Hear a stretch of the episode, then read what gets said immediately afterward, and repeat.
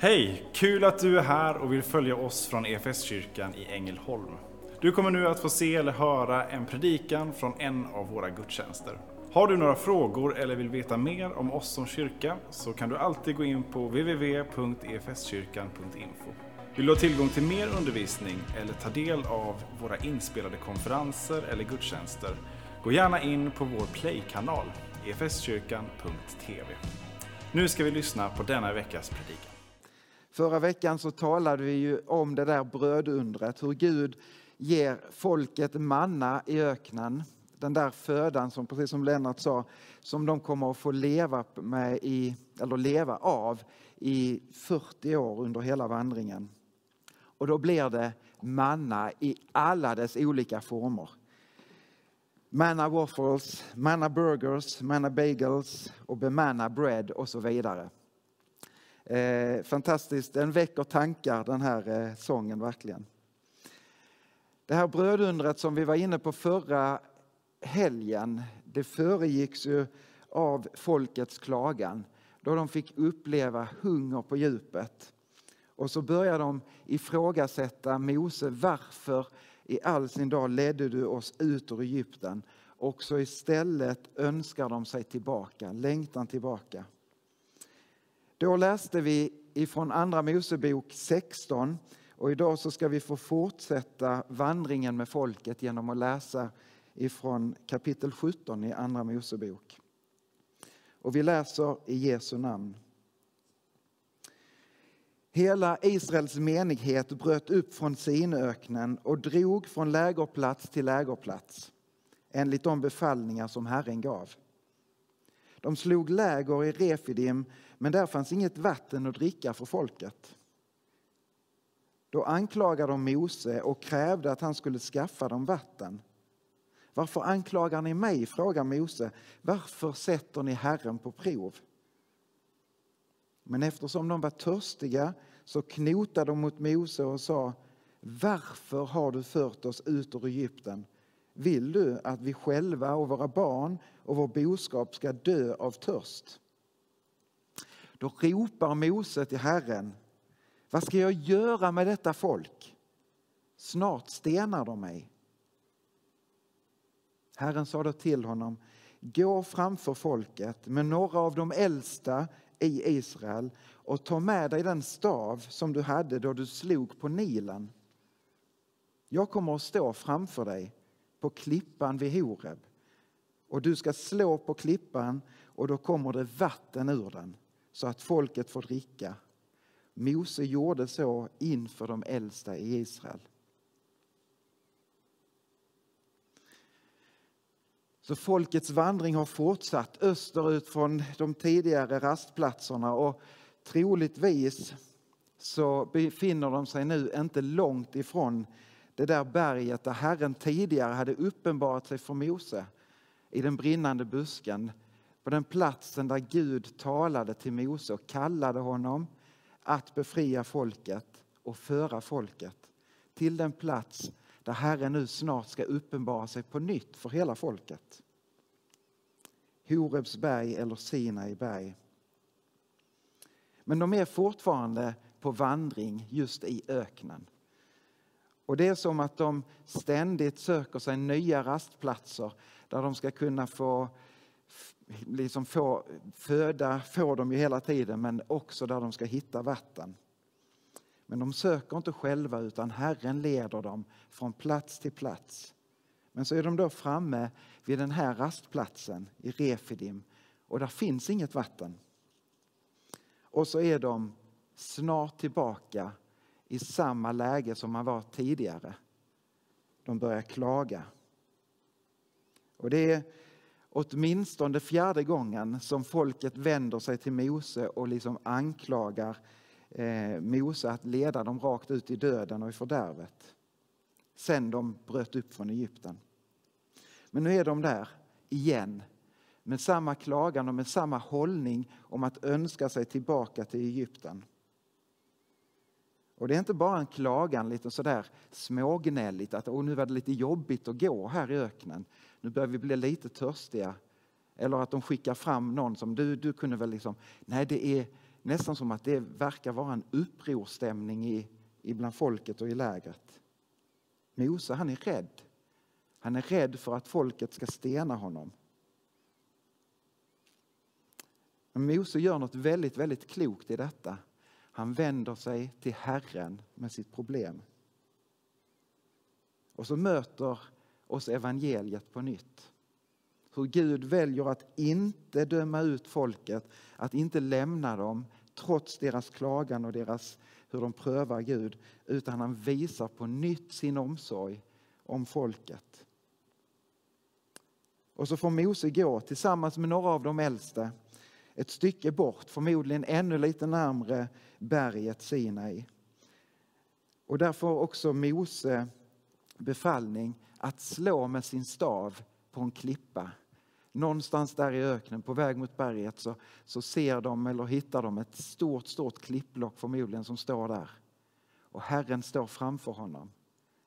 Och samma stav som har följt genom den här vandringen ända från befrielsen, samma stav som han fick slå med på Nilens vattenyta och göra det drickbara vattnet odrickbart så låter Gud nu vatten få strömma fram mitt i öknen för att ge friskt vatten åt folket.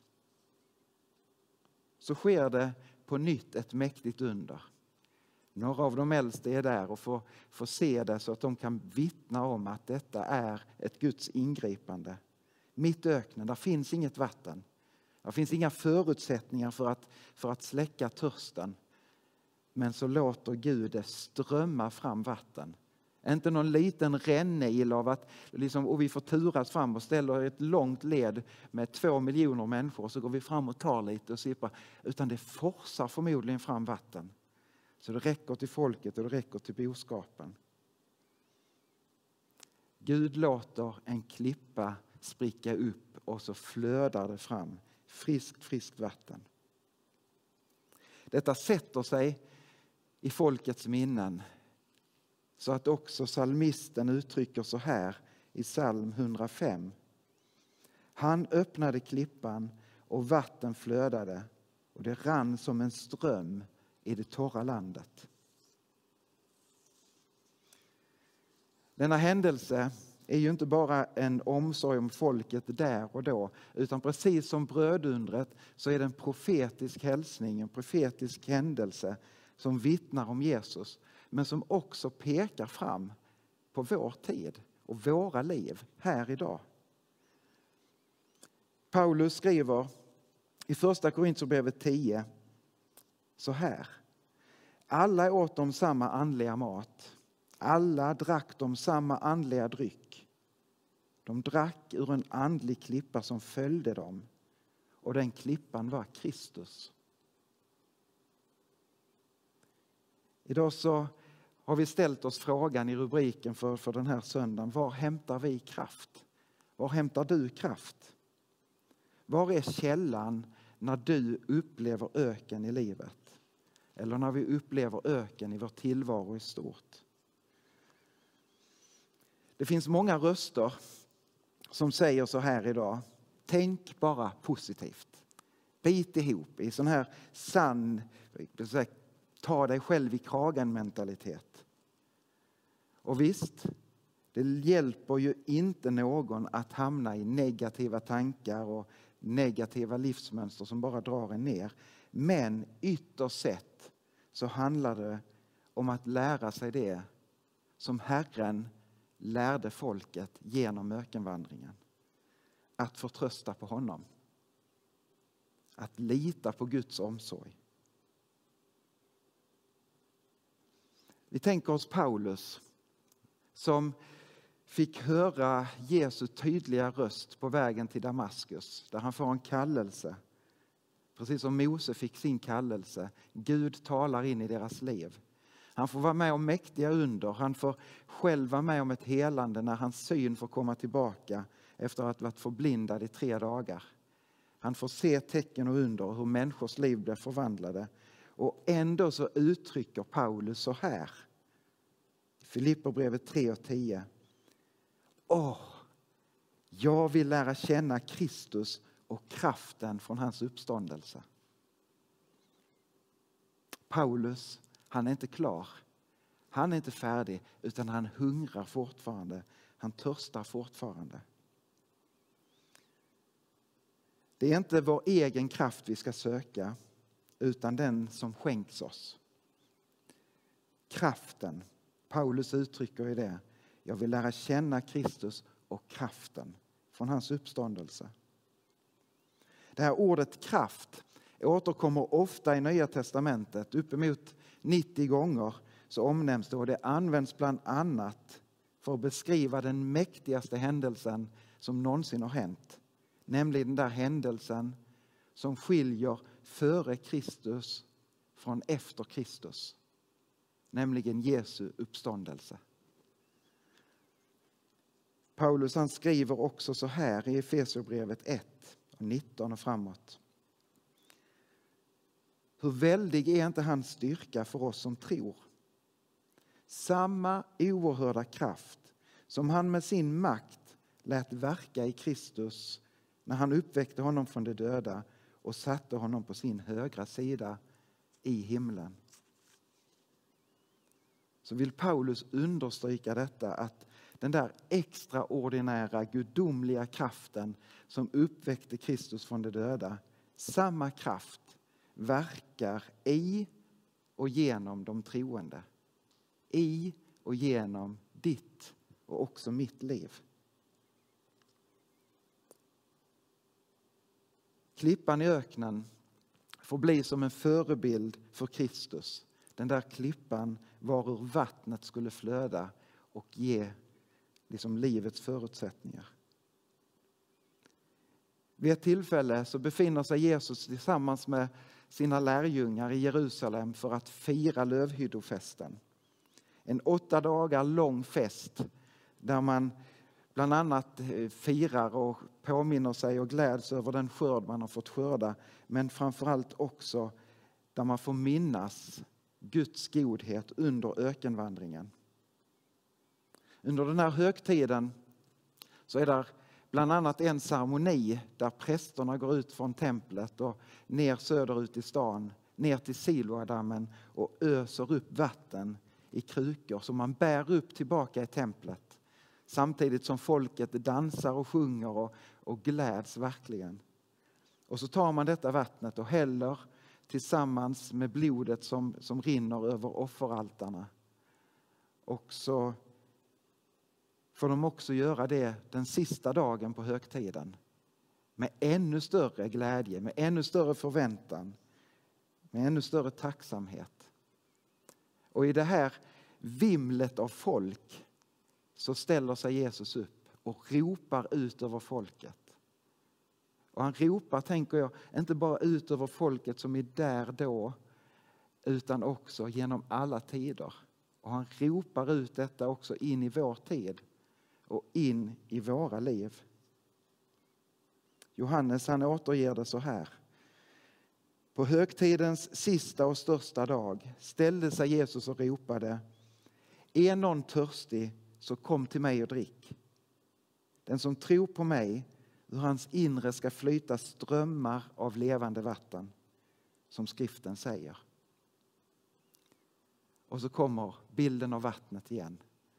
Och vad är det där vattnet? Vad är det där levande vattnet som ska strömma inom oss? Jo, Johannes han svarar själv på detta när vi läser vidare. Detta sa han om anden som de som trodde honom skulle få. Den heliga Ande. Jag vill betona det igen. Att Gud han går med oss. Han lämnar aldrig våra liv. Han gick och följde och ledde folket. Han var mitt ibland dem. Så är han också mitt ibland oss. Och han är mitt ibland ditt liv. När vi bekänner oss till Jesus så har vi löfte från honom själv att han ska komma till oss genom sin ande och dela varje stund. Det är i och ur honom som du får hämta din kraft.